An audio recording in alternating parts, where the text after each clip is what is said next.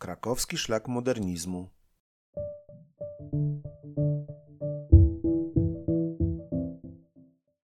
Kościół pod wezwaniem świętego Szczepana. Kościół pod wezwaniem świętego Szczepana to jeden z najciekawszych budynków sakralnych Krakowa okresu międzywojennego. Znajduje się w narożu ulicy Kazimierza Wielkiego i ulicy Henryka Sienkiewicza, po zachodniej stronie Alei Trzech Wieszczów. Jego powstanie związane było z rozwojem nowej zabudowy mieszkaniowej w tej części miasta po poszerzeniu granic Krakowa w 1910 roku.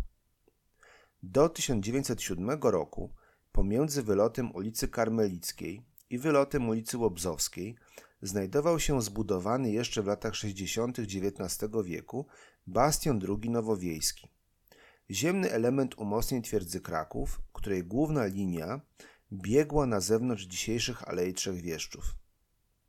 Na początku XX wieku, dzięki aktywności prezydenta Liusza Leo, doszło do poszerzenia granic Krakowa. W latach 1904-1915 obszar Krakowa powiększył się siedmiokrotnie, a jego częścią stały się dawne podkrakowskie wsie, m.in. Krowodrza, Łobzów i Nowa Wieś. W związku z poszerzeniem granic miasta, umocnienia wału fortecznego straciły swoje militarne znaczenie. W 1907 roku rozpoczęto wyburzanie i niwelowanie bastionu nowowiejskiego.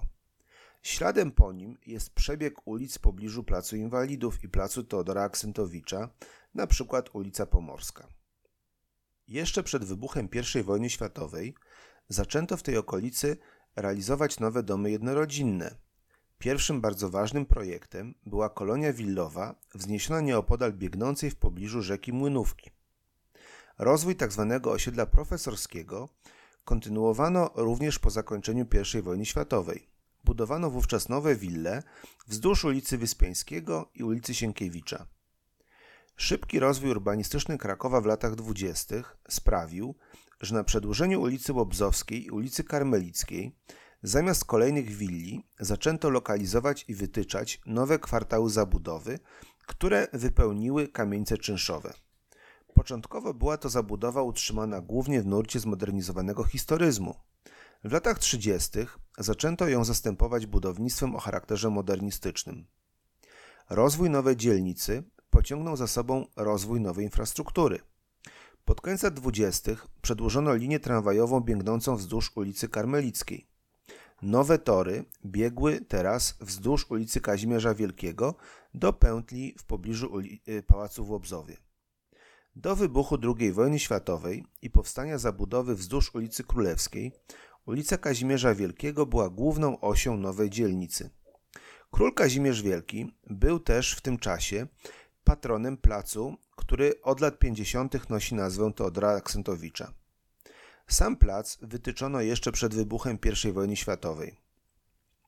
W 1924 roku władze Krakowa przekazały obszerną parcelę po wschodniej stronie placu z przeznaczeniem pod budowę nowego kościoła parafii świętego Szczepana. Kościół pod takim wezwaniem istniał w Krakowie od XIII wieku. Na początku wieku XIX, niedługo po zajęciu miasta przez Austriaków, kościół ten zamknięto i rozebrano.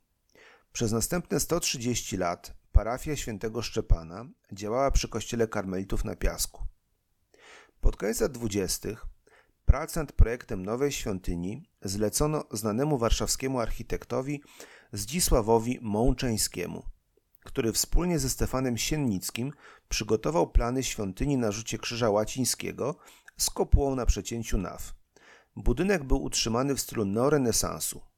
Szczególne wrażenie robiła obszerna loggia, którą architekci planowali wznieść przed wejściem do kościoła. Jej projekt budził skojarzenia z renesansowymi krużgankami florenckiego szpitala niewiniątek. Zdzisław Mączeński należał do wiodących postaci warszawskiej architektury okresu międzywojennego. Był autorem m.in. monumentalnego gmachu Ministerstwa Wyznań Religijnych i Oświecenia Publicznego, jednego z największych budynków publicznych tego okresu. Na początku XX wieku Mączeński współpracował z Józefem Piusem Dziekońskim, słynnym warszawskim architektem, dla którego przygotowywał projekty licznych nowych kościołów. W 1907 roku zasłynął także dzięki zwycięstwu w prestiżowym konkursie na projekt nowego kościoła w Limanowej. W okresie międzywojennym architekt wciąż był często zapraszany do projektowania kościołów, nie jest więc przypadkiem, że zwrócono się do niego z prośbą o przygotowanie projektu kościoła pod wezwaniem świętego Szczepana w Krakowie. Do realizacji jego projektu jednak nie doszło. Przeciągające się starania o pozyskanie środków sprawiły, że budowa ruszyła dopiero w 1933 roku. Projekt ostatecznie powierzono krakowskiemu architektowi Franciszkowi Mączyńskiemu. Franciszek Mączyński należał do najbardziej znanych architektów Krakowa początku XX wieku. U progu stulecia jako pierwszy projektował w stylu secesji. Na Placu Szczepańskim wzniósł budynek Pałacu Sztuki oraz wspólnie z Tadeuszem Stryjeńskim przebudował siedzibę Starego Teatru. Był jedną z kluczowych postaci Towarzystwa Polska Sztuka Stosowana. E, był też autorem licznych nowych kościołów, m.in. monumentalnej Bazyliki Jezuitów przy ulicy Kopernika. W okresie międzywojennym Franciszek Mączyński chętnie eksperymentował z nowymi technologiami i projektował konstrukcje żelbetowe, budował mosty oraz budynki przemysłowe. W przestrzeni Krakowa zapisał się wówczas m.in. spektakularnym projektem Bazaru Polskiego, późniejszego Pałacu Prasy przy ulicy Wielopole oraz za sprawą Seminarium Śląskiego. Cały czas był też często zapraszany do projektowania nowych kościołów. Stąd też nie jest przypadkiem, że to jemu powierzono pracę nad ostatecznym projektem kościoła świętego Szczepana. Zbudowany w latach 1933-38 budynek różni się od pierwotnej wizji Zisława Mączeńskiego. Architekt pracujący nad ostateczną wersją projektu porzucił początkowe historyzujące odniesienia. Jego projekt wyraźnie ciąży ku rozwiązaniom bliskim modernizmowi. Fasada kościoła jest skierowana w stronę placu Aksentowicza i stanowi jego dominantę. Wysoki trzyosiowy portyk prowadzi do wnętrza, które w zestawieniu z bielą zewnętrznych ścian sprawia wrażenie ciemnego. Na osi nawy głównej nad wejściem znajduje się duże okrągłe okno o krzyżowych podziałach. Wnętrze jest trójnawowe. Jego płaskie sklepienia wsparto na ośmiu filarach. Nad skrzyżowaniem transeptu i nawy głównej znajduje się ośmioboczna kopuła nakryta wielospadowym dachem zaopatrzonym w ażurową sygnaturkę. Ściany świątyni szczelnie wypełniono polichromiami o geometrycznym charakterze.